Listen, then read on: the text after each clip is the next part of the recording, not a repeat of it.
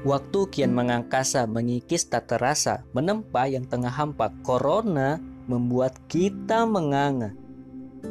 Sebelum social distancing di era modern, Al-Quran telah mencatat peristiwa Adam dan Hawa diusir dari surga karena memakan buah huldi.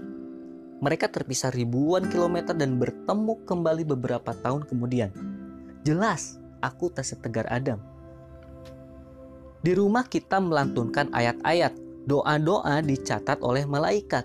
Tuhan tengah menguji kita dengan wabah, dengan tabah kita hidup dari tanah menuju tanah.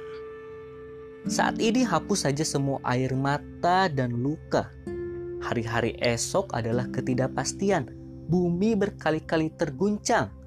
Mungkin nalar kita yang tak sampai bahwa yang dibutuhkan adalah keimanan. Nabi Muhammad tak memerlukan peringatan, tapi peristiwa Isra Mi'raj adalah keimanan. Bagaimana seorang manusia dibawa oleh malaikat Jibril terbang ke langit ketujuh.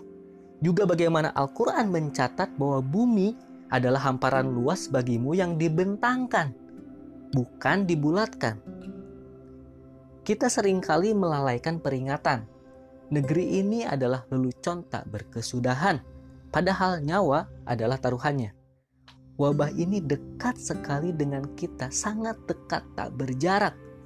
Seperti halnya kita menunggu giliran kematian.